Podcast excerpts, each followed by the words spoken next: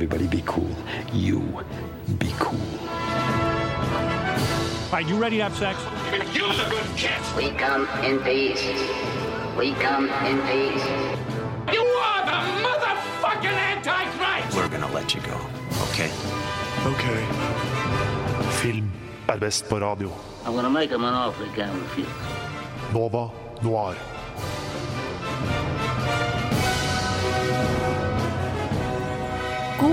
Morgen, alle sammen, og velkommen til Nova Noir her på Radio Nova.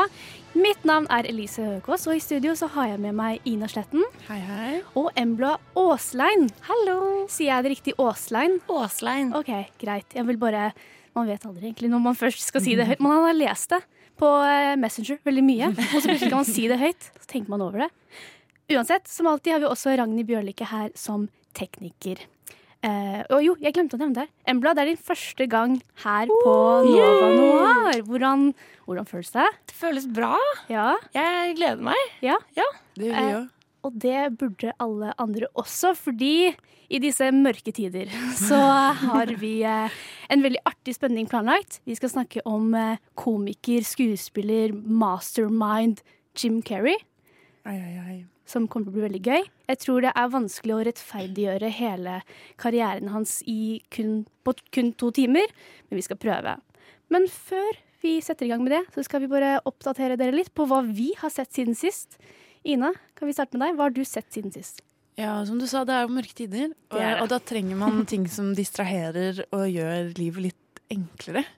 Og heldigvis for meg så har en av mine absolutt guilty pleasures eh, premiert på, på TV igjen, og det er nemlig Paradise Hotel. Å nei. Og jeg lever så godt. Eh, og enda bedre, Ex on the Beach begynner neste uke. Å nei. Så eh, hvis jeg ender opp i karantene, ingen tvil om at jeg kommer til å bli underholdt. Det er bra tima, da. Veldig. Av Paradise og Det er derfor eh, det er jo en eh, teori om at eh, det er media som har satt i gang korona, sånn at folk skal se mer på reality-TV. Det er litt av en strategi, altså. Og Jeg støtter den. skal ikke si at det ikke er en dårlig idé. Embla, hva har du sett siden sist?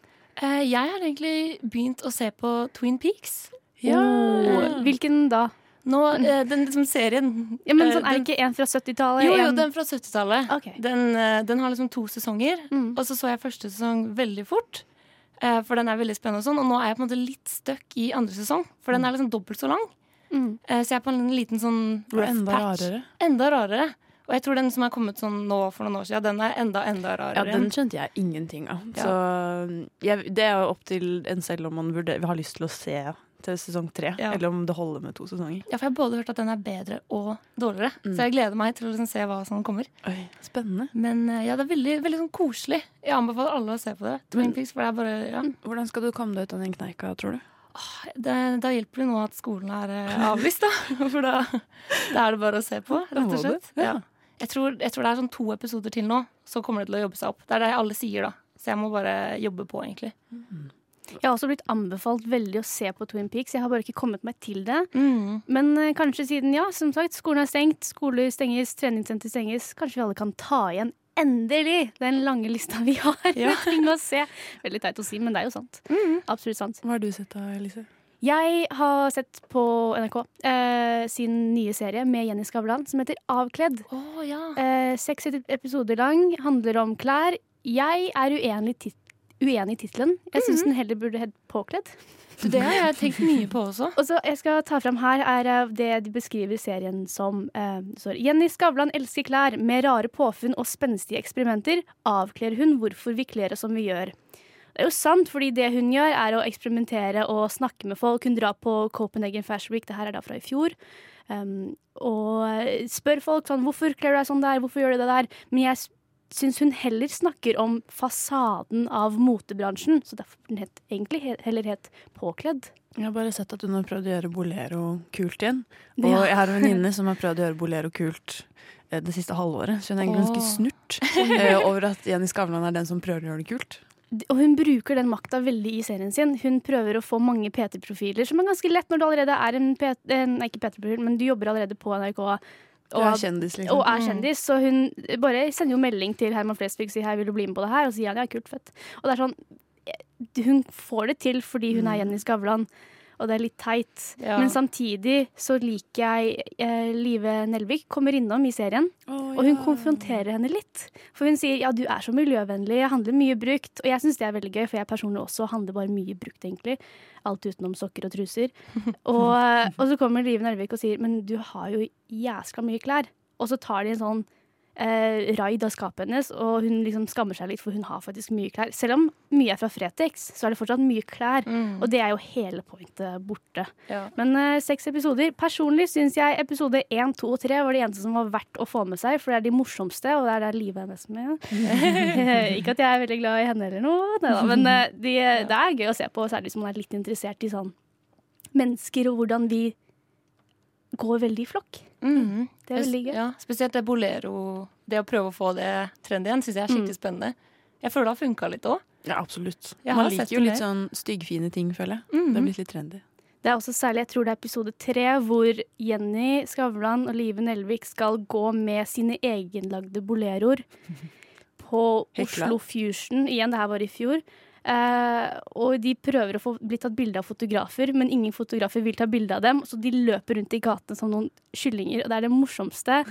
Eh, så jeg, hvis ikke dere, man vil se hele serien, se i hvert fall episode tre. Den er veldig gøy. Men ja. Fra noe litt morsomt til noe enda morsommere, så skal vi jo som sagt snakke om Jim Carrey i dag. Men vi skal, altså, vi skal prøve å ta for oss hele karrieren, som eh, sagt, fordi den er både lang og mangfoldig. Men aller først så skal du få høre låta 'Usynlig' av Amalie Holt Kleive. Nova Noir på Radio Nova.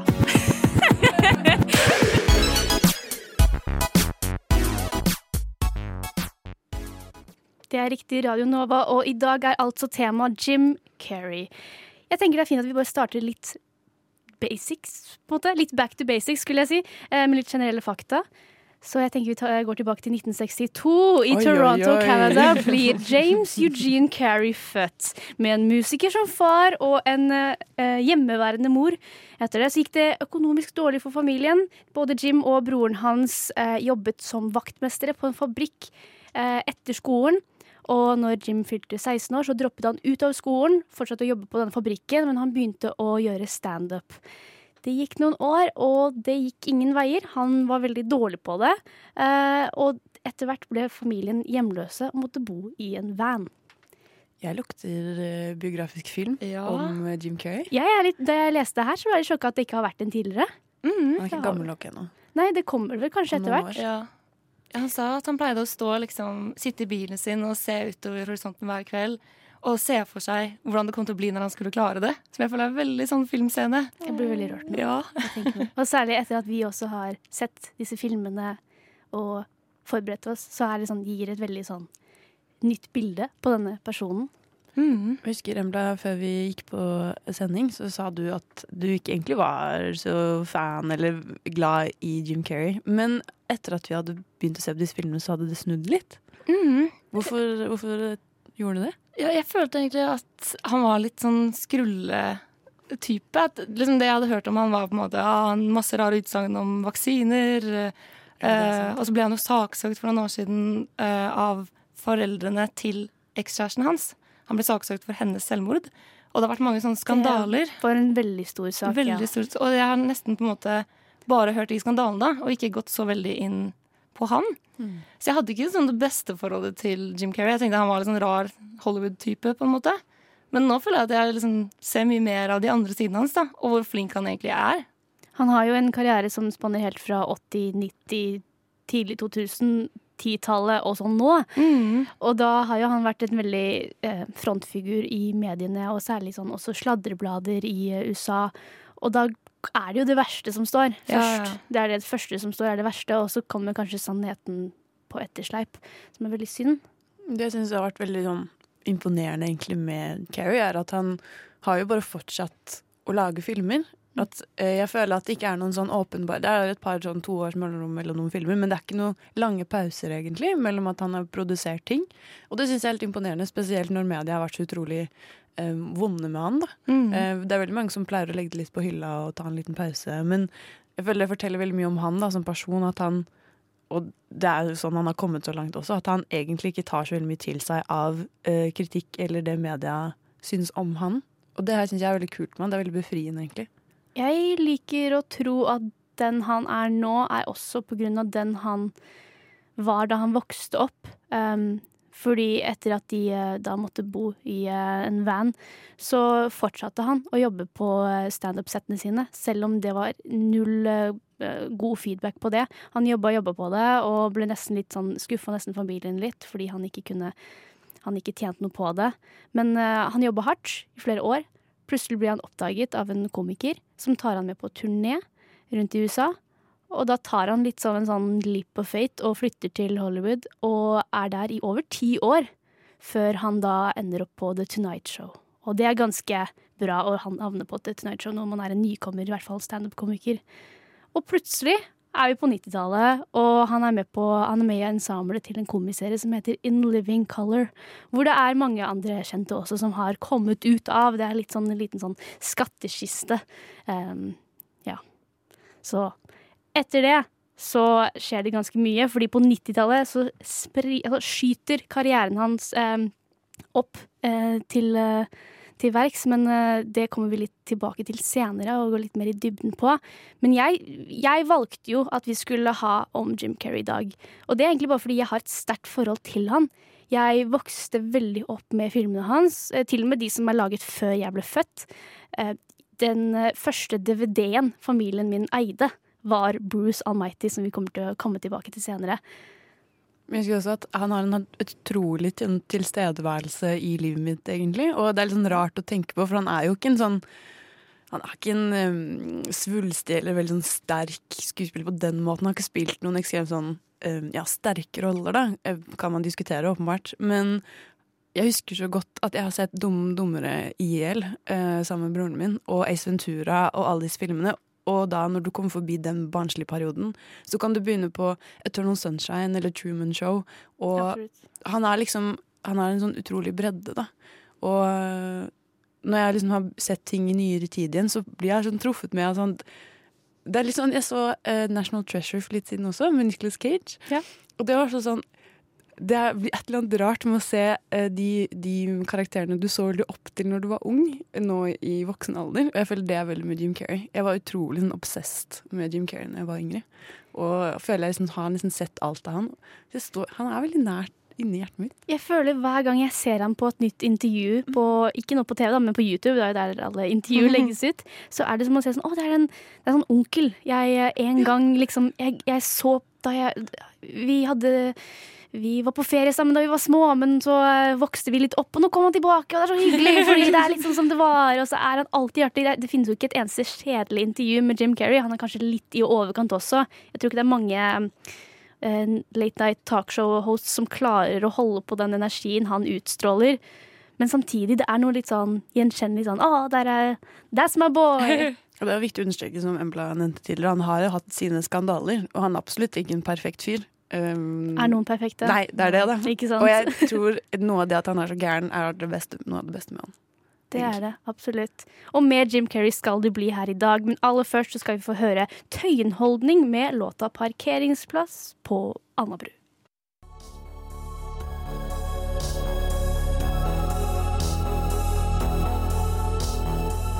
Du lytter til Nova Noir.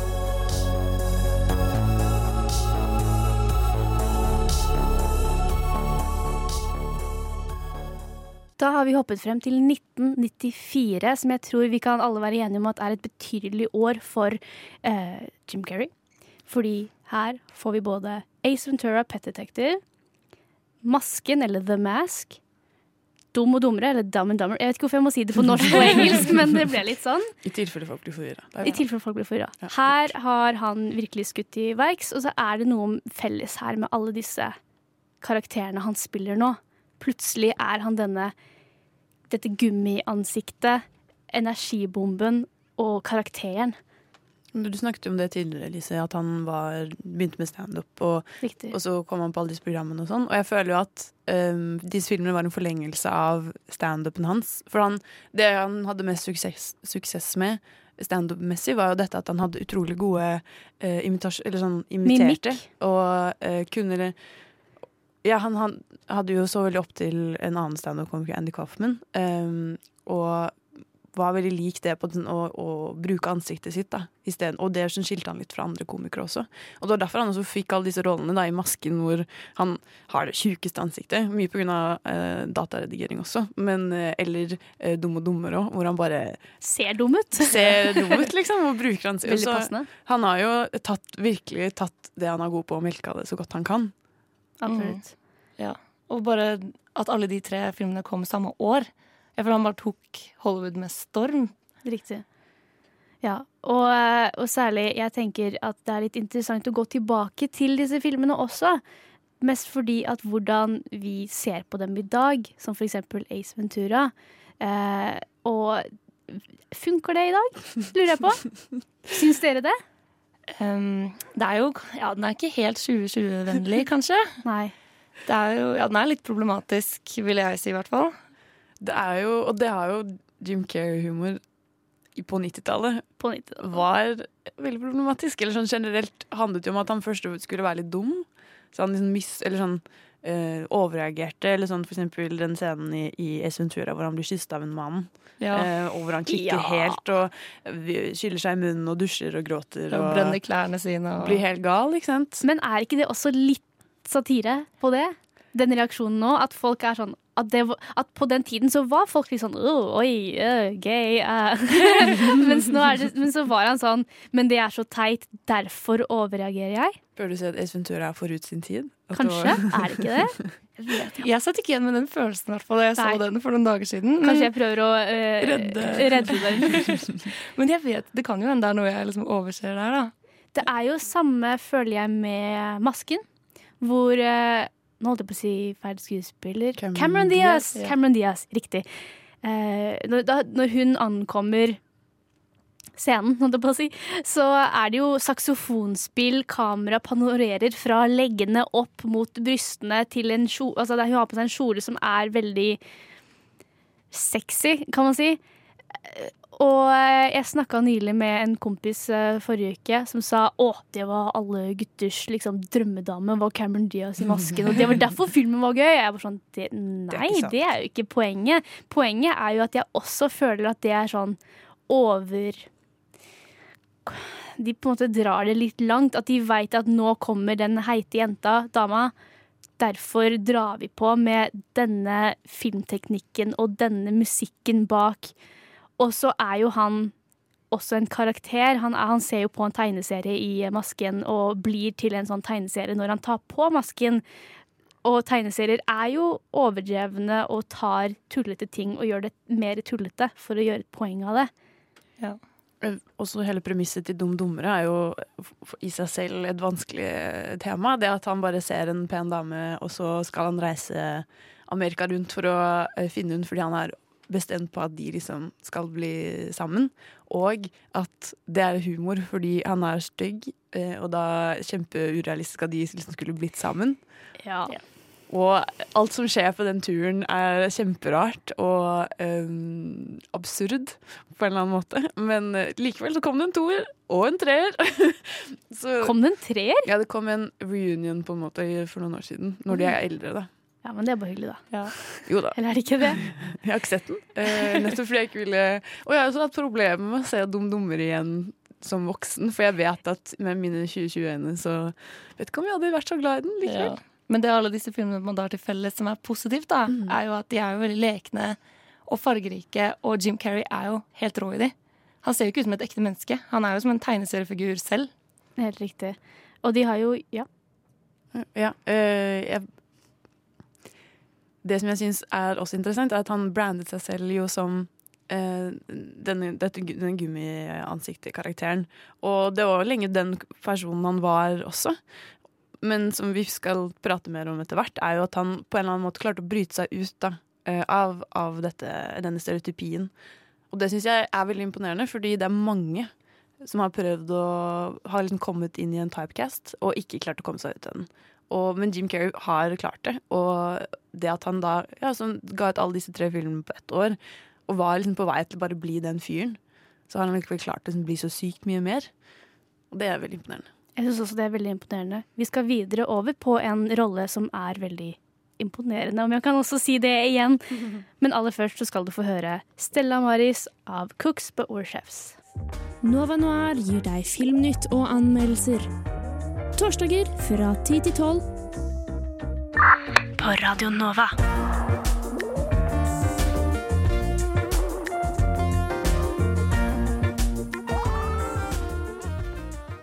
Ja, så videre i Jim Carrey-sendingen så skal vi nå over til Jim Carreys første mer alvorlige film, hvor han også ble kanskje mer anerkjent som skuespiller.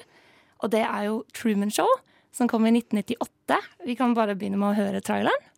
Coming to you now from the largest studio ever constructed, it's The Truman Show! Yeah! What if you were watched every moment of your life? How many cameras you got there in that town? 5,000. Everybody's pretending, Truman. Get out of here. Come and find me. Truman? Truman! Truman! Where are you going? You can do it. How do we stop him? Give me some lightning. Is that the best you can do? Cut transmission! I like your pen. I was wondering that myself. Jim Carrey. The Truman Show. Watch what happens. Yes, så den handler jo da om Truman, som eh, har levd hele livet sitt i et realityshow uten å være klar over det. Um, men som når da en lyskaster faller ned fra himmelen, uh, begynner han å få mistanke om at noe ikke er som det skal, og hele tilværelsen hans rakner da. Er det, også, det er jo flere ting som på en måte bygger seg opp, som gjør at han begynner å mistenke. Det jeg syns er veldig morsomt, er eh, hun som spiller med Gåstein. Kona hans ofte promoterer for eh, kjøkkenprodukter, eh, diverse matvarer, som om det er en sånn reklamefilm på TV. Eh, og han sier at hvorfor sier, du det? hvorfor sier du på den måten? Eller f.eks. at han spår at nå rundt hjørnet kommer det en ny syklist fordi det er en statist, og ikke egentlig eh, et ekte menneske. Og det er mange sånne ting som jeg syns er veldig eh, interessante, og litt sånn, det er litt sånn kreativ måte å konstruere en verden på. Fordi vi er jo ikke som i filmer, egentlig. Og jeg tror at, at hvis ikke denne filmen hadde kommet, er jo noen som hadde prøvd å gjøre det på ekte. Føler jeg. Det er veldig sånn typisk sånn, eller sånn, Hvis vi hadde vært gærne nok, på en måte, så føler jeg at sånt, et sånt reality-konsept ikke hadde vært sånn helt sjukt, på en måte. Det er jo ikke forsvarlig etisk i det hele tatt, på en måte. Men jeg føler ikke at Eller sånn, jeg hadde elsket det om det hadde skjedd i virkeligheten. For det er jo Big Brother, bare at de som er med, ikke veit at de er med. Og Mm, der ja. forsvinner mange liksom, etiske rettigheter, egentlig. Ja, det er forskning på en eller annen måte, da. Eller Ja. observering av, av mennesket. Gjennom et helt liv. Ja. Ja. Som de ikke er oppmerksom på i det hele tatt. Men tenk da, jeg føler at den filmen her gir deg sånn eksistensiell krise. Fordi du blir med en gang sånn Hva om jeg er en del av en sim sim simulasjon? Etter, sånn, etter å ha sett Matrix også. Kanskje alt jeg opplever, bare er løgn? Jeg syns ikke den ga den følelsen. Og uten å avsløre hvordan eh, filmen ender opp, så får jeg nesten en mer em, håpefull f- Håpefull? Eh, håpefull eh, Håpefull følelse. Det var dritt i det ordet. Jeg får et mer en sånn eh, litt håp for, eh, for fremtiden, fordi eh, for, Fordi hvordan hva karakterene ender opp med å ta valg. Det var vanskelig å ikke spoile det her. Uansett, jeg syns at det som er interessant med Truman Show, er hvordan man kan eh, Hvordan det er litt virkelighet. Fordi i dag så er det jo tusenvis av familier på YouTube som har hverdagsvlogs hvor de har fått barn. De filmer hver dag av livet sitt, legger det ut. Og da er det jo som å vokse opp med kameraer overalt. Det er jo en ting man lærer fort i starten av filmen av Truman Show. Så sier de vi har så og så mange kameraer der, der, der. Og det er jo litt som vi lever i dag. Vi har kameraer alle med oss hele tida. Det er alltid et sikkerhetskamera utenfor nesten de fleste offentlige og private bygg, på en måte. Vi er litt alle i Det er jo egentlig Jeg vet hva jeg du, Vi er litt i den verden, Nina. Du må deale med det. Vi, er, eh, vi blir overvåka som bare rakkeren. Det er kameraene på Mac-ene og PC-ene. Ikke sant? Har du et klistremerke over kameraet på Mac-en? Jeg har sånn fancy fra Amazon som er en sånn tab som jeg skyver over. Så jeg har gått forbi klistremerkestadiet, og jeg har nå en egen sånn avlukker på kamera på min, eh, min Oi, Mac. det ble jeg få meg. Det var på eh, Amazon på ti kroner. Men eh, Jim Carrey da, i Truman Show som vi sa, at dette er litt hans med seriøse roller. Og hva, hva er det som er annerledes her enn det er i, i de andre tidligere filmene? Så det er bare fire år imellom, egentlig. Jeg føler litt at eh, Hva jeg har skjønt fra intervjuet med Jim Carrey, sånn, er at eh, denne nesten ble litt selvbiografisk for ham. At han følte at han var i en sånn boble der alle overvåket han, alle fulgte med på alt han gjorde, media var ute etter å ta han, og at liksom han på en måte ønsket å bryte fri, og det var litt det han fikk gjøre med denne filmen òg. Første film han kanskje ikke ble så typecasta som liksom den tullete, goofy fyren. da. Um, og jeg føler kanskje at denne filmen har noe mer ekte og mer substans enn de andre filmene han har laget tidligere. Hva syns dere? Jeg er veldig enig i det. Uh, og jeg liker veldig godt det du sier om at det var på en måte Eller det han også sa, at det var på en måte om han. Fordi han var så satt fram i mediene. Eh, og det var sikkert her også hvor eh, paparazzi ikke sant, begynner å bli en del av livet. Han, har, han bor jo nå eh, på dette tidspunktet i Hollywood, og da er det jo det på en måte en del av hverdagen. Plutselig. Og det å komme fra en uh, liten by i Canada til å plutselig være denne personen, kan jo også være veldig overveldende, blant annet. Og Truman Show, er, Truman Show er jo fortsatt en morsom film, så der kan jeg mister jo ikke det humorelementet. Men så blir det da Jeg går litt forbi den ansiktsmimikken da, som han alltid har spilt på, at det ikke er like absurd lenger. da. Det er litt mer sånn Jeg vet ikke hva man kan kalle det, en ekte komedie, på en måte. Ikke bare sånn tulli, tulling. Det er et godt bakteppe, men det er Jim Carrey som er rollen, så selvfølgelig blir det en viss sjarm med det, Mhm, føler jeg. I hvert fall. Men fra en, eksist, eksistensiell krise til en annen. Vi skal straks prate om Bruce Almighty også, som eh, kom senere et par, eh, et par gode år etter Truman Show. Men aller først så skal du få høre Malgirl med Love Me.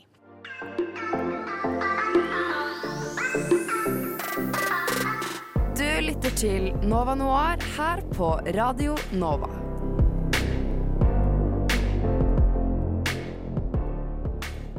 Det er riktig, du lytter til Nova Noir, og i studio er vi fortsatt Elise, Embla og Ina.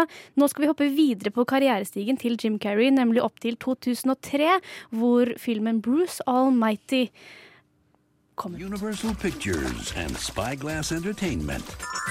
You've got prayers. I'm doing some good here.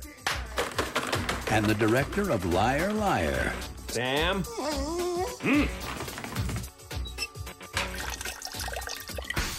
Forget something? Jim Carrey. Let there be light. I am Bruce Almighty. My will be done. Bruce Almighty. Bruce Almighty, alt, alt, som jeg nevnte tidligere, min families aller første DVD. Jeg tenker det er ganske sykt i seg selv å tenke på nå, i hvert fall i disse dager.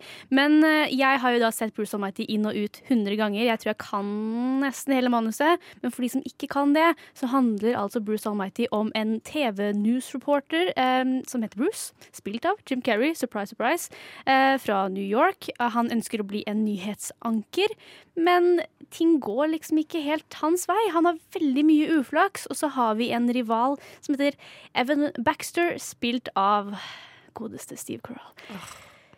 Bare et lite øyeblikk der, for jeg er så glad i Steve Carell. Uh, Og jeg syns han får altfor lite tid til å skinne i Bruce Almighty.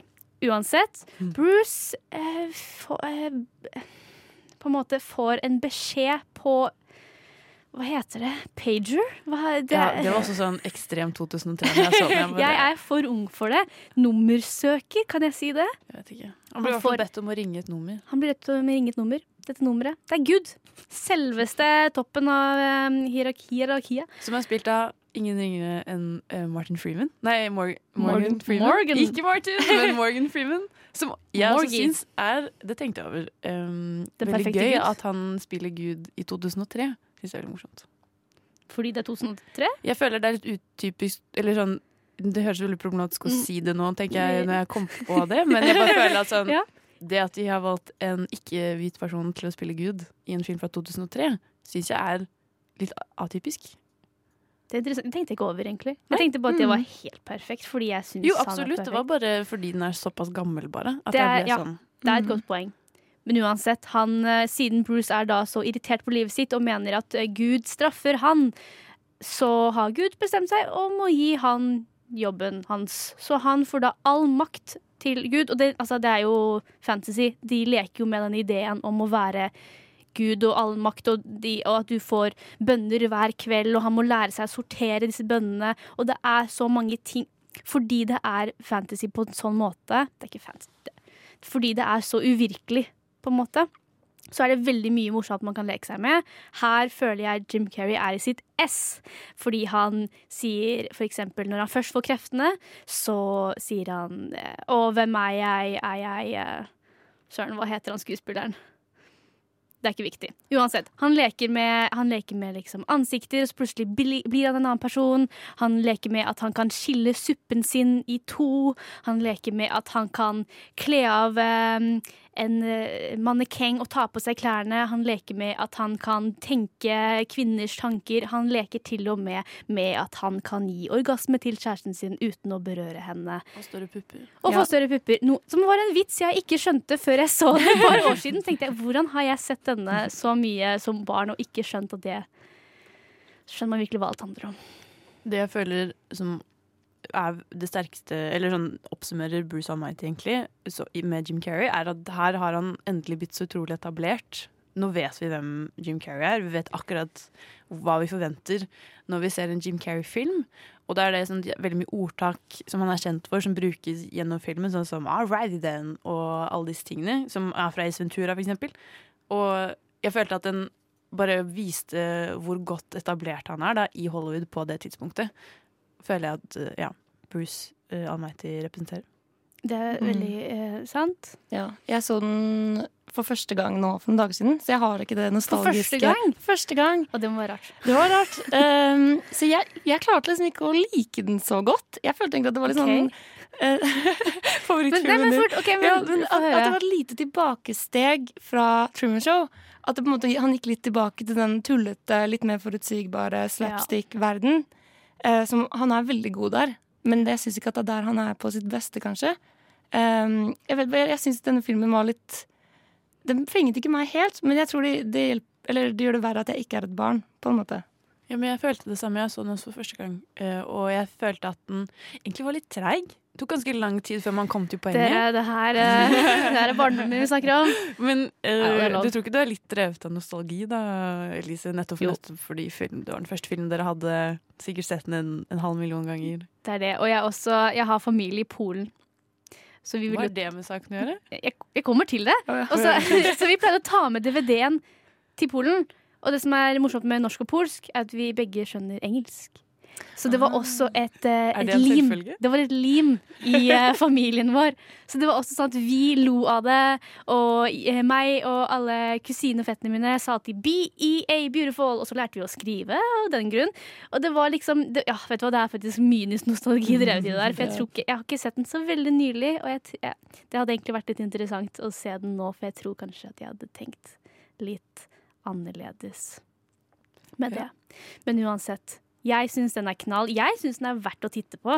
Det er den. Men uh, jeg, jeg skjønner poenget også med at den er kanskje ikke det beste uh, Jim Carrey har på, på fatet sitt. Oh, men fun fact, det er den filmen han har tjent mest penger på. Av Ja, alle det det. filmene sine. Hæ? Mhm. Hæ? Ja. Det er sikkert bare meg som har jeg. Det sto, jeg Alle googla. de turene til Polen bare Det er det. Det, er, det må være det. Uansett, vi skal videre på agendaen. Vi skal ta en liten pause faktisk fra alle disse Jim Carrey-filmene. Kim, Vår godeste Kim kommer innom og skal anmelde Bloodshot, som er en uh, ny film som, eh, som har kommet, faktisk. Men aller først så skal vi høre låta 'Getting Harder' av Starbenders. Nova Noir gir deg ukas kinopremierer.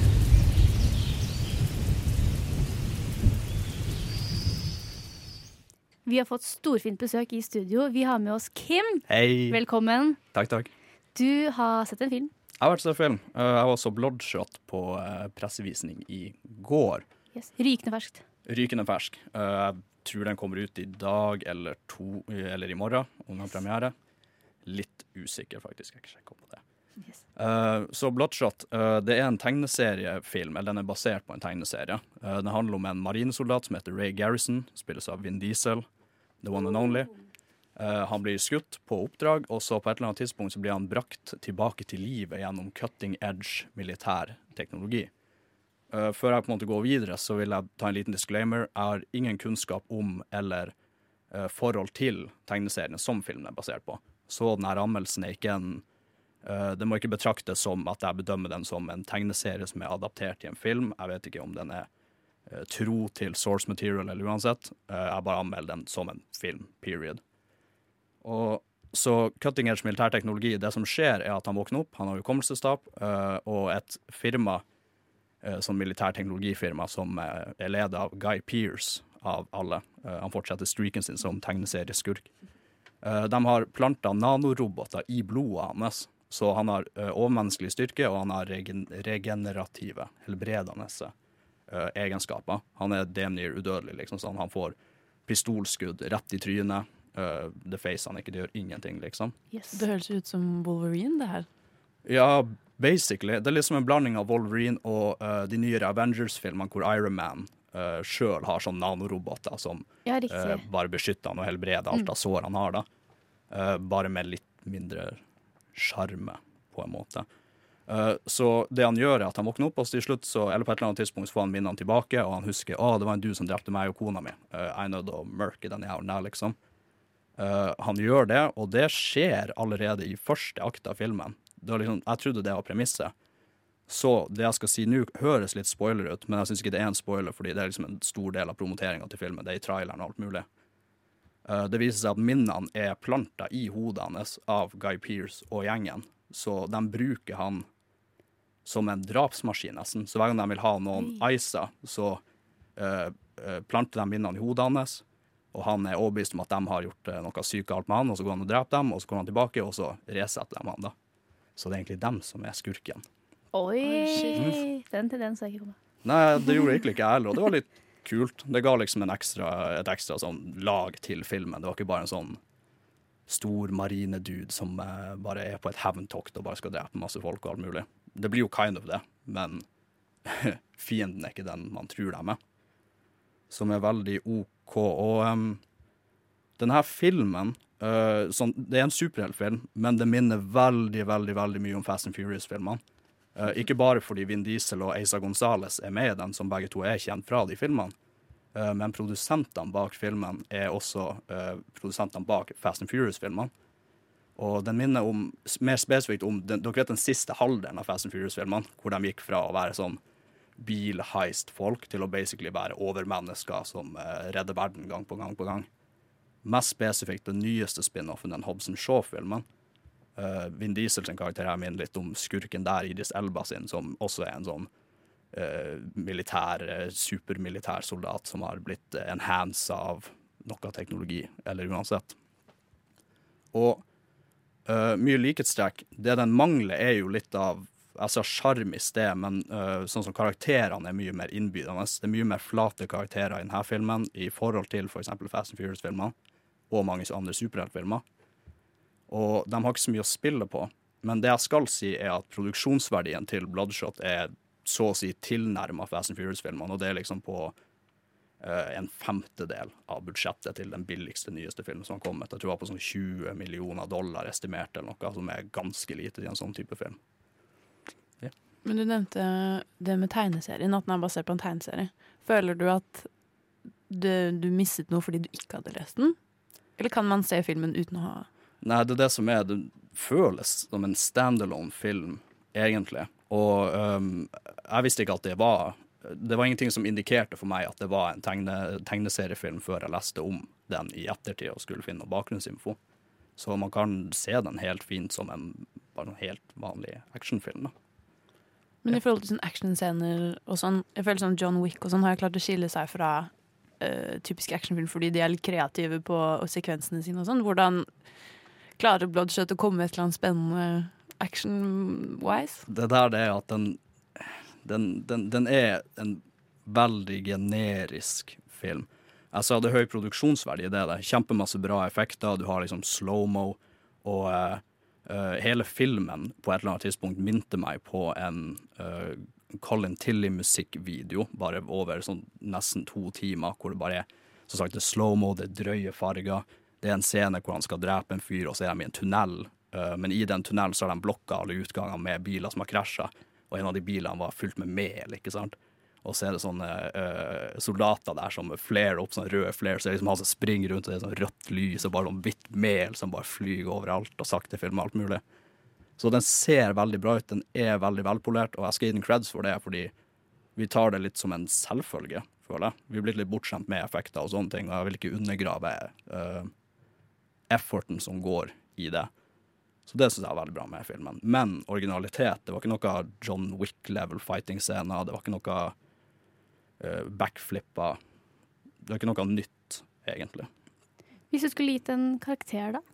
Karakteren jeg gir den, er fire av Oi. ti. Helt OK actionfilm, men det må sies at uh, Valiant-universet, som er uh, tegneserieuniverset som denne filmen er basert i, det sies at de skal starte opp sitt eget sånn cinematiske univers. Og da er det viktig at den første filmen setter tonen. Og hvis den her satt tonen for de neste filmene, så kan vi glede oss til mange generiske og lite oppfinnsomme Valiant-filmer fremover. For det trenger vi flere av. Det virker som eh, Marvel-oppskriften er smittet i Hollywood, og at alle har lyst til å lage sitt eget store univers og tjene masse penger på det. Men eh, fire av ti, altså. Det er, eh, det er litt av en karakter. det var altså Bloodshot og Tus Bloodshot. Bloodshot. Bloodshot? Jeg syns den tittelen ikke var sterk. Det må jeg si. Nei, han, Uten å ha sett filmen. han heter visstnok det, men blir aldri referert til som Bloodshot i filmen. Så Nei, så hvorfor, ja, hvorfor er det tittelen? Det, får vi, eh, det får man finne ut av sjæl. OK. Uansett, tusen takk for at du kom innom, Kim. Det er alltid flott med rykende ferske anmeldelser her på Nova Noir. Vi skal litt videre i programmet. Først skal du høre Janos med Sikki Stikki Nova Noir. Vi skal tilbake inn i verdenen til Jim Carrey, og faktisk nesten helt inn i hodet eh, på Jim Carreys karakter i neste film. Det er nemlig snakk om Eternal Sunshine of the Spotless Mind. Here at Lacuna, we have a safe technique for the focused erasure of troubling memories. Is there any risk of brain damage? Technically, the procedure is brain damage, but it's on a par with a night of heavy drinking. Nothing you'll miss. I'm in my head already, Arlen. That baby's history. It's all being wiped away. They're erasing you, Clem. You'll be gone by morning. Whoa, Careful. Come on, on, step back. Roach the guy. Åh, jeg blir i godt humør bare av å høre den. eh, Det er en god låt. Det er en god låt og god trailer. Men ikke en veldig lystig film, egentlig. Ikke egentlig. Misvisende trailer. Eh, ja. For hva, hva handler den egentlig om? Jo, dette er jo min personlige Jim Carrey-favoritt, og en av mine favorittfilmer generelt. Den handler om uh, Jim Carrey som Joel, som finner ut at ekskjæresten hans, Clementine, har uh, slettet han fra hukommelsen på en sånn klinikk hvor det er mulig å gjøre dette, og han blir ganske bitter og bestemmer seg for at uh, han skal slette henne tilbake. Og så i filmen så er vi på en måte på reise gjennom hukommelsen hans. Um, og det begynner med de, liksom, de dårlige minnene. Og så følger man gjennom filmen helt til liksom, de bra minnene, og så slutter det på en måte Eller ikke slutter, men man kommer helt til når de møttes, og så er man på en måte en reise gjennom hans refleksjoner og tanker rundt forholdet og henne, og, og innser flere ting om seg selv, da. Den kom ut i 2004, så året etter Bruce Almighty. Eh, og det er jo to ganske forskjellige roller. Du Ikke som- diss, ikke diss Bruce nå. Nei, nei, nei, nei, jeg sier ikke det, men som, Men, ja. som Embla sa, at eh, det at han gikk litt tilbake igjen, og så hopper han rett inn i Eternal Sunshine, um, som er en ganske ha, tøff film, egentlig. Og i hvert fall hvis man har, har vært i et brudd, eller eh, er nylig ute av et brudd, så handler den jo på en måte om uh, hva man tar, sitter igjen med da, etter et forhold. At ja, OK, det er mye kjipt, og det endte på en dårlig måte, eller det var jo en grunn til at man endte bruddet. Men det er jo ikke sånn at alle de siste årene har vært like jævlig, på en måte. Det er jo en grunn til at man var sammen, og at man hadde det fint sammen. Og det syns jeg er utrolig vakkert gjort av den filmen, egentlig. Representerer veldig godt et realistisk forhold, føler jeg. På mange måter. Mm. Og så elsker jeg at den er så leken. Uh, skal se, jeg fant hva, hvilken sjanger dette er. Det er en romantisk science fiction tragikomedie. Oi. Og det føler jeg oppsummerer den så bra. Herregud. Og det er egentlig litt Jim Carrey òg. Fordi han er jo Den er jo mørk og trist, og, og han er jo kommet ut med at han har vært ganske deprimert. Og spesielt under innspillingen av denne filmen så hadde han det ganske fælt. Mm. Og det synes. Jeg syns han er så liksom ekte i denne filmen. Men den er også leken. Hopper i tid. Eh, det er en scene han plutselig spiller et lite barn. Og liksom De gjør veldig mye gøy, da. Og jeg føler det er liksom alle de beste egenskapene til Jim Carrey i en film. Han har jo sagt at uh, Ja, du sa at han var deprimert under denne innspillingen. Og det var på et punkt hvor eh, filmen skulle ha en pause i et halvt år. Og da var han jo veldig lei seg. Da hadde regissøren av filmen bedt han om å fortsette å være syk og, og lei seg, fordi han trengte det til rollen. Det syns jeg er ganske sjukt å, eh, å melde, at eh, regissøren din ber deg om å fortsette å være deprimert for at, rollen, for at filmen skal bli god. Er det greit, liksom? Nei, det er ikke greit i det hele tatt. Og det forteller jo litt om hvordan man blir behandlet i Hollywood òg, da. Hva, du er mer enn forbruksvare, eller Det er ikke så veldig mye angående helsen din, da, så lenge du klarer å prestere på en god måte. Eller akkurat det regissøren forventer fra deg, da. Det blir nesten som tvunget metodeskuespill. på en måte. Sånn, kan, ikke, du, kan ikke du gjøre det, sånn at vi får en god film? på en måte? Det er egentlig ganske drastisk å si, når jeg tenker meg om. En ting jeg syns er interessant, ikke for å snakke mer om Bruce Almighty, men han er jo i et forhold der òg. Eh, og forskjellen på Jim i forhold i Bruce Almighty og Jim i forhold med Clementine i Eternal Sunshine syns jeg er veldig interessant, for jeg føler at i Bruce Almighty så er det det folk vil se. Det er det folk vil ha av han.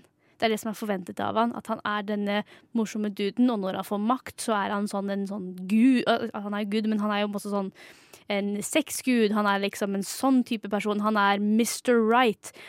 Men det er det folk vil se av han, fordi han, har, han ble liksom høy, høynet opp på den tronen. Og i Eternal Sunshine så er han på en måte en litt sånn average Joe. Og i et forhold så vises det mye bedre eh, realistiske dialoger og eh, ting man har felles i et forhold, vil jeg si. Uh, ja. Og jeg føler at han bare Han spiller den karakteren så vakkert også, fordi jeg føler dette er den eneste filmen, eller ikke eneste, men en av de filmene hvor jeg tror på at han er en ekte person. At han finnes, og at han tør å være litt sånn ikke helt likeable. Litt bitter, litt selvopptatt. Han spiller den karakteren på en veldig sånn realistisk måte, da.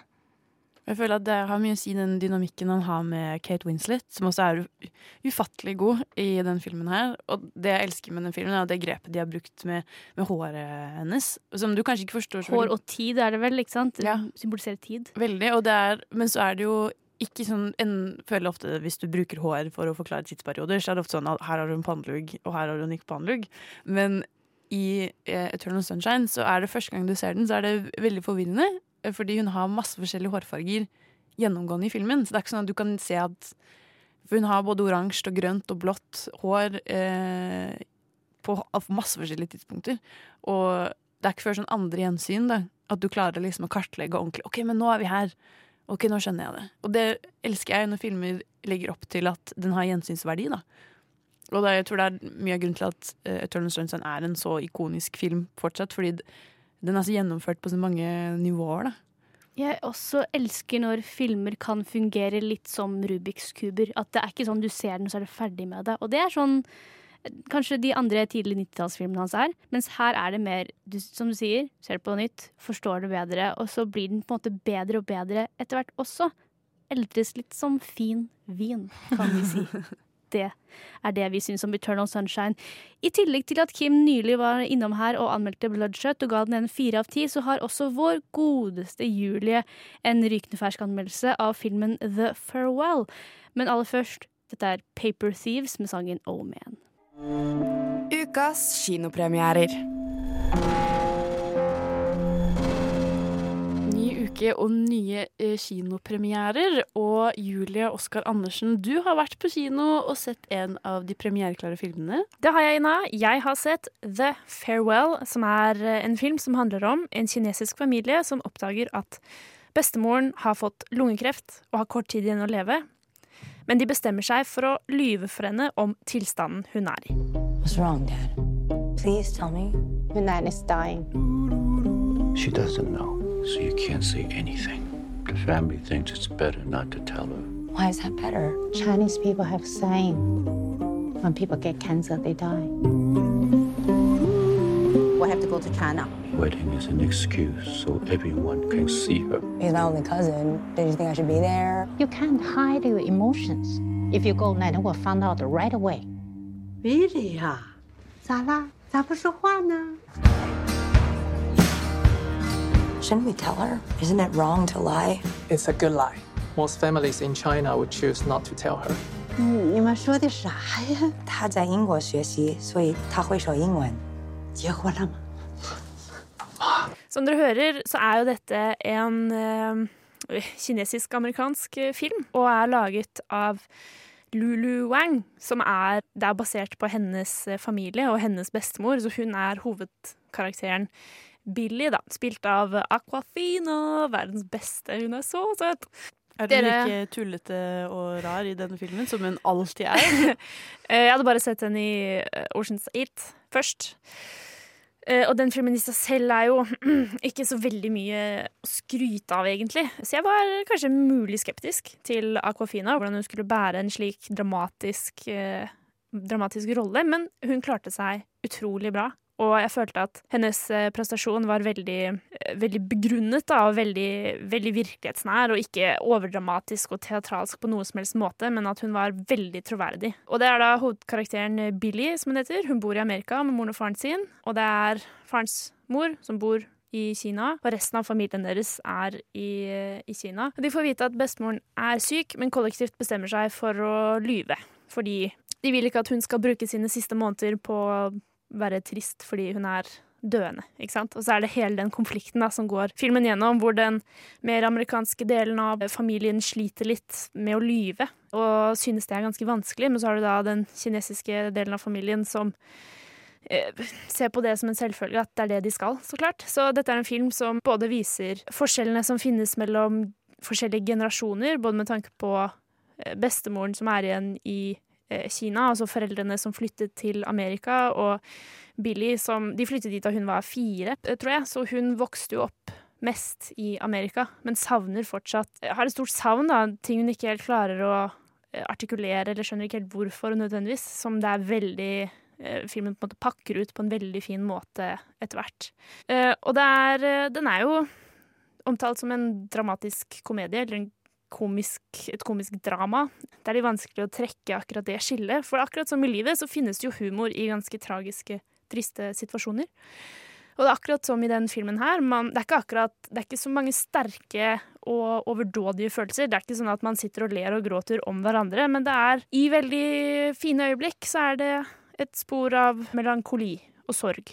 Og i veldig triste øyeblikk så er det et spor av håp og glede over å bare være samlet. Da. Og noe som er ganske morsomt, er at uh, Lulu Wang hadde gått og båret på den historien ganske lenge. da. Og Først så var det jo egentlig en episode på This American Life, eh, hvor jeg hørte den først før jeg så filmen, for det er noen år tilbake. Det er ganske lenge siden. Og hun eh, jobbet ganske hardt for å få laget denne filmen, men det var, ah, det var så mange innvendinger, og filmen var for kinesisk, eller den var for amerikansk, eller det var ikke Det var for mye av én ting, eller det var for lite av en annen ting, og det var ganske, ganske vanskelig da, å få den laget. Men uh, heldigvis så har vi jo sett en ganske oppsving av eh, asiatiske, amerikanske asiatiske filmer, som var veldig fint. Og jeg føler virkelig at det Farewell har, eh, er veldig kunstnerisk og hakket videre, et steg videre av de filmene vi allerede har fått. Og hun snakket også om hvordan det var veldig mange som ville ville liksom dytte på masse romanse for denne hovedkarakteren Billy. Fordi i historien så er det fetteren hennes som har fått seg en kjæreste, og så finner familien på at OK, men da kan ikke dere bare være forlovet, og så kan vi bare gifte dere i Kina, sånn at vi har en unnskyldning for å dra og besøke Nai-Nai, som er da bestemoren, sånn at hun ikke skal bli mistenksom. Og Lulu fortalte hvordan det var så mange studioer som var sånn å ja, men kan ikke Billy ha en kjæreste, da? Det være hennes historie. Og så viser det seg at de egentlig blir forelsket likevel. Hadde ikke det vært flott? Og så var det bare sånn nei, det er ikke det som er historien, det er ikke det som er fokuset, det er ikke det jeg vil. I dette tilfellet kommer ikke den kvinnelige hovedpersonen til å ende opp med en kjæreste, og det er ikke det romantiske forholdet det handler om. Og jeg er veldig glad for at hun sto på de kravene, fordi det er, oppleves bare som veldig autentisk.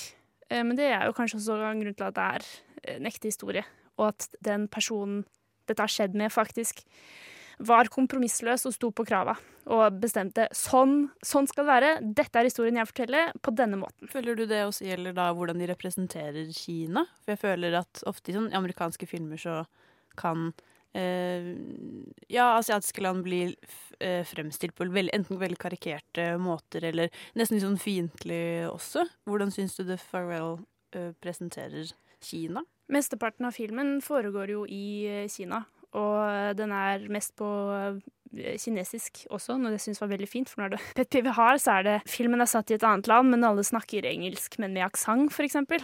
Det syns jeg er kjempeteit. Så jeg ble veldig glad for at alt bare er Alt er på mandarin, fordi det er det som gir mening. Når det gjelder fremstillingen av Kina, så vil jeg si det var et litt mer Jeg er ikke så vant med hvordan Kina fremstilles på film ellers. Jeg har ikke blitt så eksponert for det med filmer jeg har sett. Eh, men de gjør liksom et poeng gjennom filmen, da. Eh, For hun Billy blir jo konstant spurt Å, du har vokst opp i Amerika? OK, ok, kult, kult, kult. Hvordan er det da? Hva er best? Er det Amerika, eller er det, er det Kina? Hva, hva, kom igjen, hva er best? Og hun er konsekvent gjennom hele filmen sier det er ikke, det er ikke noe som er best, det er, bare, bare forskjellig. For det er noen som prøver å øh, projektere på henne at ja, men Amerika er jo så kult og flott, ikke sant? Og noen prøver liksom å projektere på at nei, men Kina er jo så utrolig fantastisk. Men hun holder liksom bare på at det er ikke best, det er bare, det er bare annerledes. Og det syns jeg filmen klarte å portrettere ganske bra. Kult. Og hvis du skulle hatt noen oppsummerende ord og gitt, kastet et lite karakter eller tall på The Farewell, hva hadde du, du sagt? Jeg synes dette er en utrolig ektefølt og vakker film. Og den traff meg veldig hardt da jeg satt der i, i den mørke kinosalen. Og i visse øyeblikk kan du virkelig bare føle kjærligheten utstråle. Og spesielt mellom Billy og hennes eh, bestemor. Og akkurat som Obama, for han hadde denne på Den kom jo i 2019 i Amerika. Så sa han at den var på hans topp favorittfilm. Så det tror jeg også den har havnet inn på min personlige favorittliste Uh. for 2020, da. Selv om, for det er nå den kommer her. Så folk må følge med i desember 2020. ja, når Nova Noir kårer eh, topp ti filmer. Jeg vil veldig anbefale alle å gå og se The Farewell. Kanskje den kan oppleves noe sakte for andre. Den gjorde ikke det for meg, men eh, den er eh, litt kunstnerisk, og det er ikke veldig mye action. Og det er litt lange sekvenser, men jeg syns det funket, og det var utrolig vakkert. Og dette er en av mine nye favorittfilmer, så jeg lander på en ti av ti, jeg, faktisk. Wow! Ja, så gå og se den på kino. Er det første ti av ti-film allerede i mars? Ja, det er sterkt filmår, da. Dette er 2020. ai, 2020. ai. Så spennende. Ja, det er kult. Gå og se The Farewell. Takk for uh, anmeldelsen og anbefalingen, Julie. Ja, bare hyggelig, Ina. Nova Noir. Og den neste filmen vi skal prate om med Jim Carrey, er, er ikke en spillefilm, men en dokumentar. Nemlig Jim and Andy The Great Beyond. For på 90-tallet, nærmere sagt 1999, så fikk Jim Carrey muligheten til å spille sitt største idol, eh, Andy Kaufman. Og filmen heter Man on the Moon. Og det er jo en, en biografi da, om hvordan kanskje USAs rareste komiker eh, klarte seg, og hans opp- og nedturer. Og også da hvor hardt det påvirket eh, Jim under innspillingen. When I heard I had the part, I was looking at the ocean, and that's the moment when Andy came back to make his movie. Hello. What happened after was out of my control.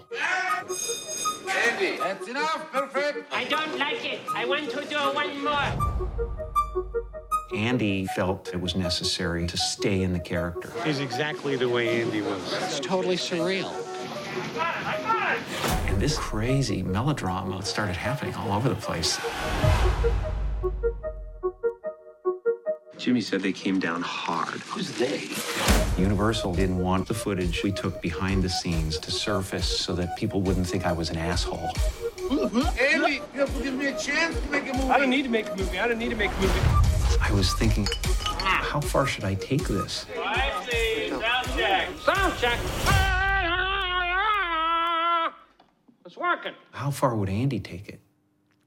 Ja, og som Jim sa, så har disse videofilene eksistert for, siden 90-tallet, men har aldri blitt sluppet før i 2017 fordi folk var bekymra for at Jim Carrey sin karriere skulle bli ødelagt. For det som skjer, er at når Jim skal ta, påta seg rollen som Andy Coffman, så blir han Andy Coffman. Jim Carrey forsvinner i flere måneder under innspillingen og, og eksisterer ikke da, i dette vakuumet av en innspilling. Og som man fleste har hørt, Andy Coffman var en skrulle. Han eh, hadde spilte Han hadde egne karakterer som han spilte i ekte liv. Han eh, var utrolig eh, Kunne komme med ganske frekke vitser, være litt kvinnenedsettende. Han eh, ja, var en ganske unik karakter. Og, det og for det første også utrolig behagelig for de på settet da, å måtte oppleve at OK, skuespilleren vår har klikka.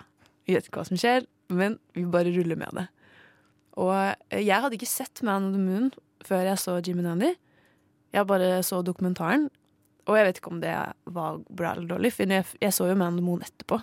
Og da får jo den uh, filmen et helt annet lys, når du vet alt som, alt det drittet som har skjedd uh, ved siden av, da. Og ja. Syns du det er viktig å se Man of the Moon sammen med denne dokumentaren? For jeg også har kun sett dokumentaren og ikke den originale filmen. Jeg tror at du like så godt kan se den etterpå. Ja. Uh, eventuelt hvis du så den for lenge siden, føler jeg. For det er litt rart å se den først, og så se dokumentaren. Samme kveld, på en For du vil jo gjerne eh, se, se den igjen etterpå, egentlig, for da vet du alt sammen. Og da blir det sånn ah, shit, når dette skjedde, så da var det på randen, på en måte. Og som vi snakket om i Eternal Sunshine, så hadde Jim det ganske vondt på et tidspunkt i livet. Og det var også in, um, rundt eh, Man on the Moon-innspillingen. At han var på et litt mørkt sted, og da brukte han, som han prater om i dokumentaren, litt denne muligheten til å slippe å være Jim Carrey. Og være noen helt andre. Litt dette med media og oppstyret, at han ble veldig, var veldig populær og fikk mye oppmerksomhet. Og det å bare forsvinne inn i Andy Kaufman var en mulighet til å slippe alle de ansvaret, eller det, de forpliktelsene han hadde da, som Jim Carrey, tror jeg. Det jeg også syns er litt interessant med måten han er Andy på, er at han snakker jo ganske mye om Jim som Andy. Så han snakker om seg selv i tredjeperson. Og jeg syns det er litt guffent å se på. Det blir ganske sånn mørkt, egentlig. Jeg er litt enig. Det er litt ekkelt fordi eh, da, har, da, er det vir, da, er det for, da er det på måte på ekte. Det er ikke på en måte 'nå er jeg en ekstrem metode', 'nå går jeg helt inn i noe', fordi jeg, er, jeg får bli betalt og dette er en jobb, men det er faktisk så mye av han selv som trenger det å unnslippe seg selv. Og derfor blir det sånn det her er ikke, det her Jim er en annen person nå. Den eneste måten man fikk tak i Jim på, var å måtte spørre Andy Kan jeg prate med Jim. Og så måtte du bli ringt opp på telefon. Og så da kunne du prate med Jim Carrey på telefon. Og det var et par, sjeldne tilfeller hvor det skjedde. Men ellers var det ingen som hadde kontakt med Jim, da.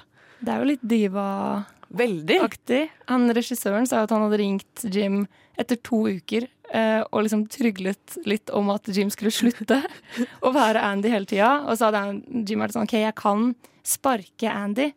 Eh, og så hadde regissøren vært sånn OK, nei, det går greit. Jeg måtte bare snakke litt med Jim. For det var jo så stor påkjenning for alle på sett at han gikk rundt og oppførte seg helt crazy i flere måneder. da. Eh, jeg vet ikke om det var helt etisk. Hva syns dere? Jeg syns at det man også lærer i dokumentaren, er jo at han på en måte prøvde å gjenskape situasjoner. Eh, Andy hadde en, en beef med en, eh, en wrestler, eller en, en, ja, MMA-fighter. Og, det, og når han, skal, han skal jo også være med når de spiller inn filmen. Og da begynner Jim Carrey å starte samme beef, og får eh, det til å bli en ordentlig krangel eh, mellom han og den bokseren. Og det syns jeg også blir litt for drøyt igjen. For da er det da Litt skummelt òg. Ja, fordi da handler det ikke lenger om at du skal være genuin eller prøve å ha en god um, um, um, Hva heter det Portrettering av en karakter. Da, da handler det om at du prøver å leve et annet liv. Uh, og du drar den for langt, da. Og du utsetter andre for fare. Du utsetter deg selv for fare. Og, nei. Han utsetter jo hele filmen nå. Han bryter Absolutt. jo regler, og den Universal ble jo kjempestressa. mm. Med god grunn. Herregud, ja. Jeg klarer ikke å se for meg en gang å jobbe på produksjonen. Selv etter å ha sett dokumentaren, så det er noe eh, Det er en viss respekt som er på et sett for alle som bruker tiden sin i en bransje som er veldig skummel, og det å deale med en du ikke veit hvor du har. Og når det er så tydelig at det her er ikke det her er ikke, det er ikke spill, det er nå en som har problemer nå. Um, det er veldig skummelt. Det jeg føler som gjorde at det på en måte eh, ikke var greit, men jeg syns det er veldig imponerende hvordan Jim prater om dette i dag. For han, du har jo intervjuer med han hvor han prater om tiden og forteller om alle disse historiene. Og i dokumentaren så er han nå på en måte seg selv i dag. Ja, Og, og snakker om det på en veldig ærlig måte. For han er vel sånn Jeg var helt forferdelig. Jeg var ikke en god fyr. Og jeg hadde det kjipt. Og han prøver ikke å si unnskyld heller. Han bare er helt ærlig på at ja, det gjorde jeg, og det var helt fucka. Og det syns jeg var forfriskende, egentlig. At det ikke er noe sånn han prøver å liksom unnskylde seg. Han forklarer jo dette med depresjon og at han har det fælt. Men jeg føler likevel ikke at han prøver å snike seg unna, på en måte. Han står veldig i at det gjorde jeg, men det var fordi jeg var på det Eller sånn, ja. Jeg følte at det var Han sto veldig godt i det, da.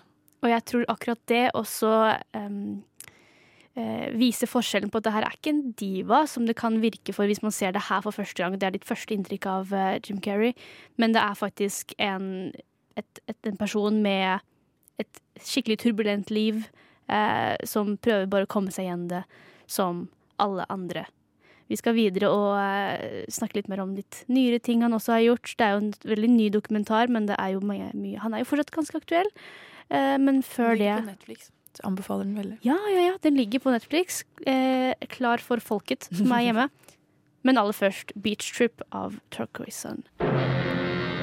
Du hører på Nova Noir.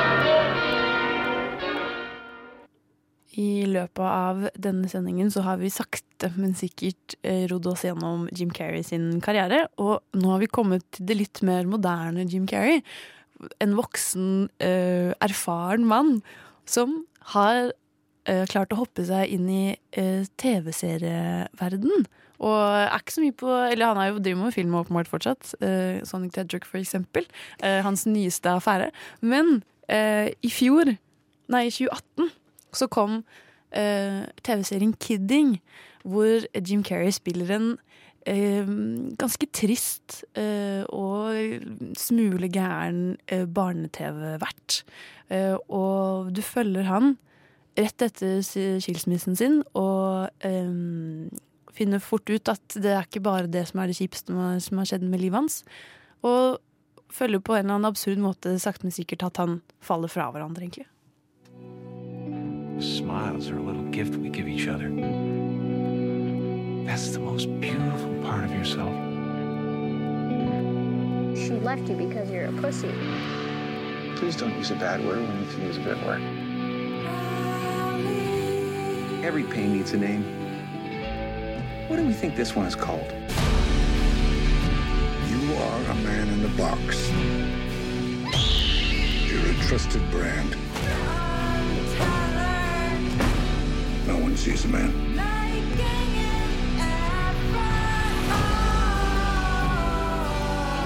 Feel something new today. Something's growing inside me. Jim Carrey spiller da uh, TV-verten Jeff.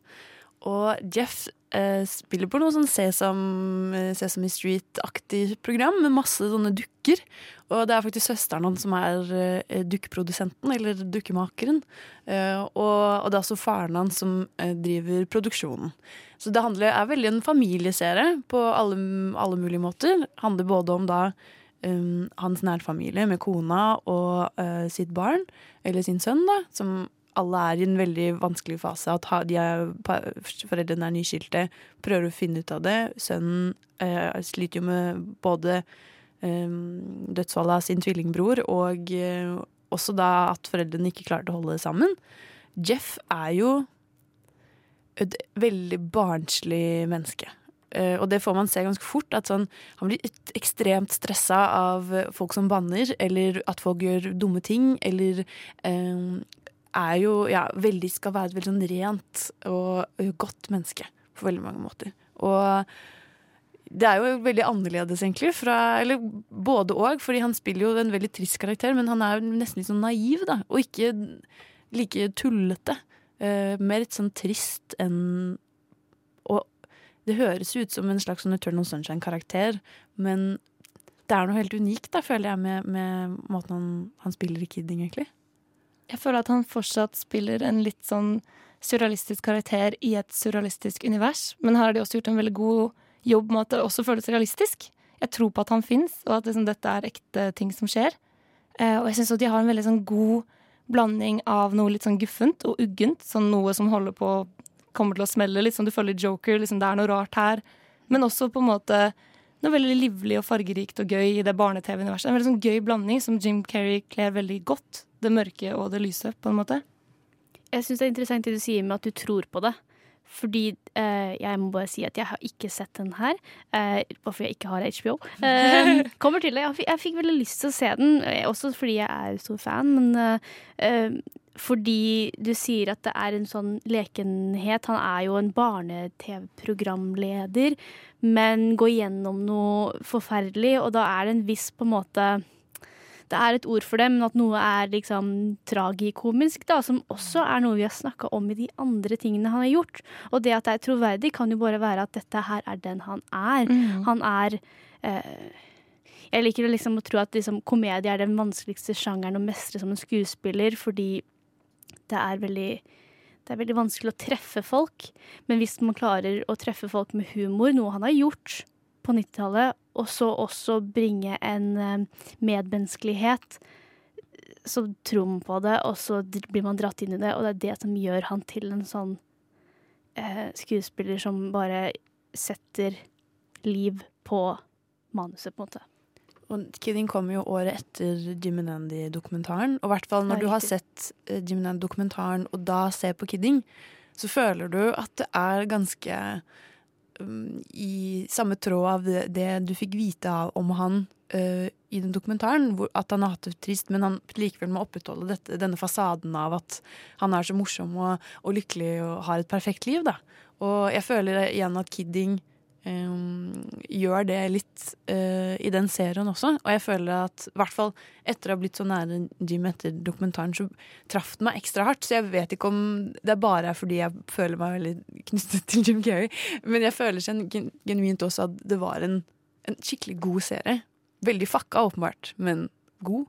Ja, det føltes nesten litt sånn uh meta på Jims liv. Mm. Han blir jo på en måte fortalt av eh, TV Jeg tror som også er faren hans. Ja, faren hans, ja. TV, han som på en måte eier showet. At sånn, ja, jeg vet at du har det trist, men du skal ikke være trist på TV. Folk vil at du skal være morsom, du skal fortsette sånn som du har holdt på for alltid. Ja, sant, De sier til og med sånn Du er ikke en ekte person, du er et brand. Han får liksom, og det føler jeg er så sant for Jim også. At han har på en måte blitt litt fanget i den derre slapstick, morsom gummifjes-rollen, da. Kanskje dette er eh, biografien vi har venta på? Ja. Eh, ja. Jeg håper egentlig ikke det, fordi det er mye fælt Ja, og- som skjer i denne serien. Jeg så også at sesong to har nå premie- premiert i februar i år. Eh, Så da er det bare å sette seg ned og titte på det. Hvis man har HBO, da. Det har ikke jeg. Uansett. Vi skal videre på livet til Jim Carrey, men aller først 'Sprida kjærleik' av Killdøden. Ikke bare en skuespiller, komiker, skribent, men også kunstner. Jim Carrey, som kanskje ikke alle vet, er dritflink på å male og lage kunst. Det er, jeg vil spesielt anbefale en eh, liten video, en liten, liten kortfilm, som ligger på Vimeo, som heter I Needed Color. Den er bare på seks minutter lang, så den kan man se rett etter sending. Og det jeg liker med den, er at vi får se Jim Carrey i en sånn ny type kreativ prosess. Han snakker litt om eh, farger og livet hans og maleriene hans. Og hvis man ser den, så kan man også se tydelig at i disse eh, maleriene så er det mye sterke farger.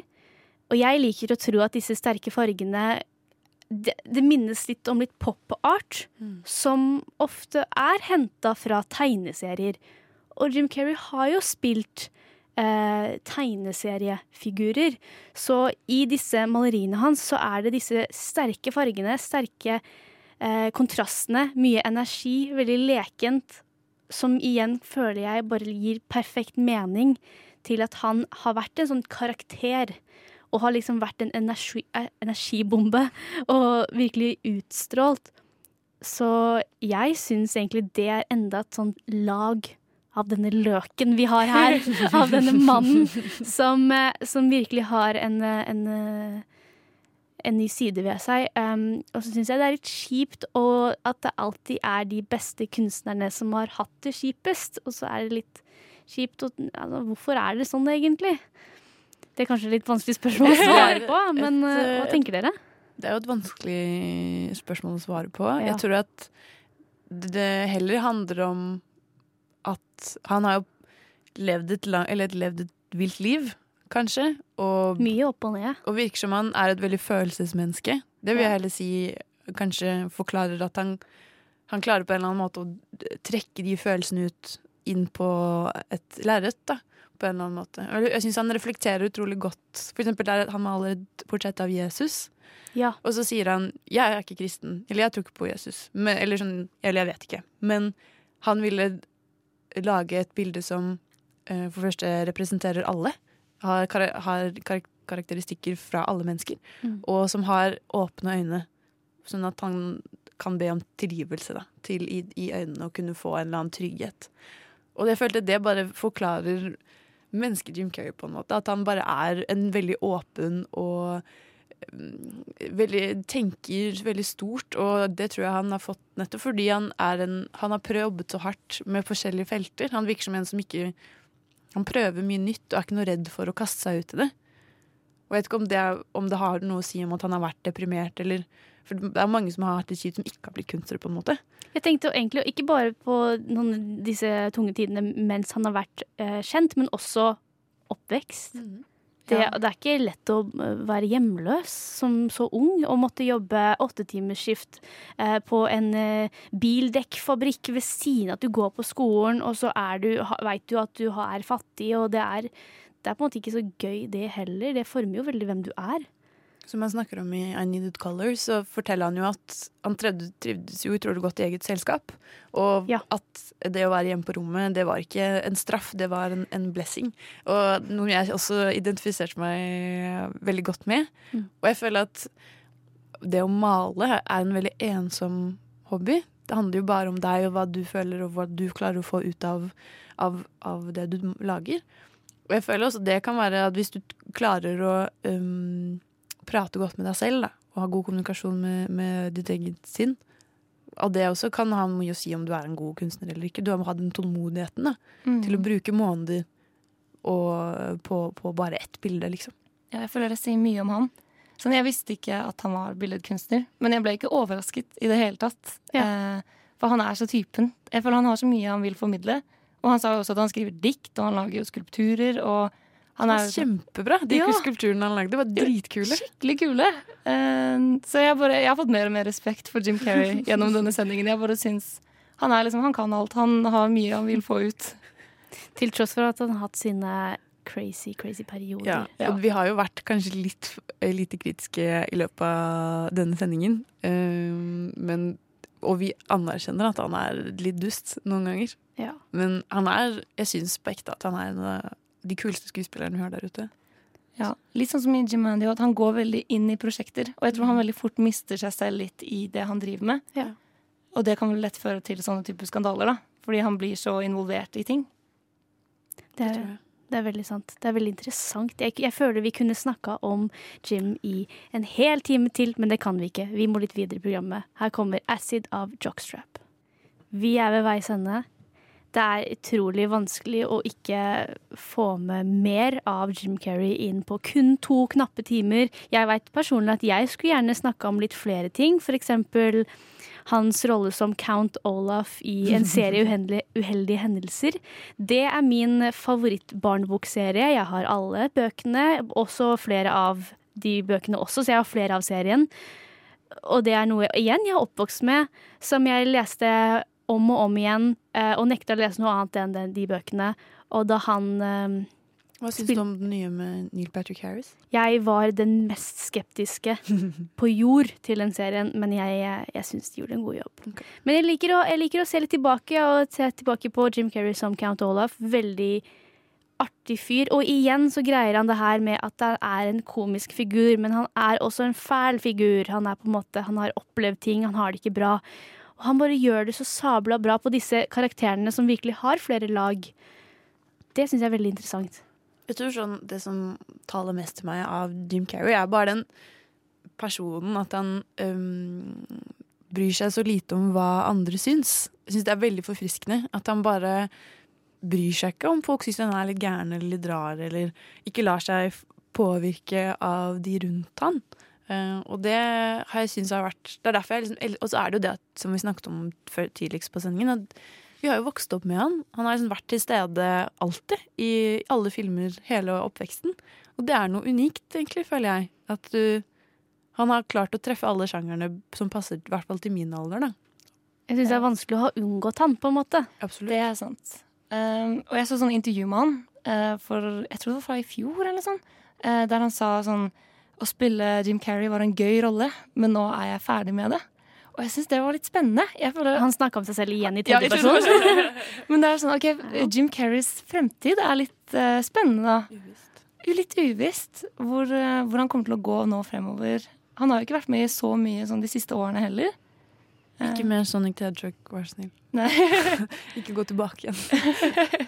Han har jo hatt noen sånne roller, beklager, jeg må bare nevne det. Han har hatt eh, litt eh, mindre filmer og ting som har floppa litt. Jeg eh, tenker at vi skal ta en et par noble mentions. The Incredible Burt Wonderstone. Folkens med Steve Carell floppet ekstremt. Men igjen så spiller han Jeg tror problemet Jeg tror det som gjør at sånne ting flopper, som hans karakter i den filmen, og også hans karakter i Kick-Ass 2, er at det er ikke manuset for han. Det skal, det skal mye til for at han Du må skrive virkelig en veldig god karakter for at Jim Carrey kan liksom virkelig gå inn i det. Fordi det er sånn som vi har også snakka om, når han virkelig går inn i et prosjekt, det er da det blir magi på skjermen, føler jeg. Eller Dark Crimes, som oh, kom ut for ja. noen år siden, som ikke, ikke gikk bra i det hele tatt. At selv om han er, eh, har en, en bredde, Ja. Så er kanskje ikke alt helt riktig for Jim Carrey. Ja, jeg trodde at vi skulle se Dark Crimes til denne sendingen, så jeg leide den på YouTube, så den, angrer. Det var en helt forferdelig film. Uh, og han får ikke vist hva han er god for i det hele tatt. Men er det manuset sin feil, eller er det bare han? Det er eh, manuset. Det er hele filmen. Det er eh, en slags Det noir-parodi. er umulig at det er hans sin feil. Ja, men han har sånn eh, dårlig polsk aksent, og det er bare Nei, er det sant? Ja, og, Nei. han har nesten Uheldig. ingen replikker i hele filmen. Han bare går rundt og har Det er pokerface og ja. Ah. Så selv Jim Carrey kan gå på en bommert. Ja, ikke alle er perfekte. Men av og til så får vi disse gull, gull, gull eh. Kan vi si egentlig Det er, som jeg nevnte, vanskelig å rettferdiggjøre en så mangfoldig karriere i en sending. Vi har snakka om Jim Carrey som person, vi har snakka om Jim Carrey på 90-tallet, Ace Ventura, Masken, Dum og dummere. Og så har vi gått litt videre. Vi har blant annet snakket om Truman Show, Bruce Almighty og Eternal Sunshine of the Spotless Mind. Både seriøse og mindre seriøse roller. Vi har fått anmeldelse av Bloodshot, som Kim kom innom, og ga en, eh, en grei fire av ti, kan vi si på det. Eh, Og så har vi også fått en eh, anmeldelse fra Julie om The Farewell, som hun ga Ti av ti. og der, så da, jeg tror det sier litt av hvilken film du skal se til helga, om du skal gå og se film. Du kan også sitte um, hjemme og se Jim and Andy på Netflix. eh, som er en veldig god dokumentar om rollen hans som Andy Coffman i Man on the Moon. Som du også kan se når du først er i gang, fordi skal ikke vi alle bare holde oss hjemme? Jeg tror vi bare kjører på Netflix-ballen. Så har vi også prata om Jim Carrey som kunstner. Jeg har vært Elise Høkås, så i studio har jeg hatt med meg Ina Elisabeth Sletten. og Embla Aaslein. Og Ragnhild Bjørlikke som tekniker. Takk for oss. Takk for oss.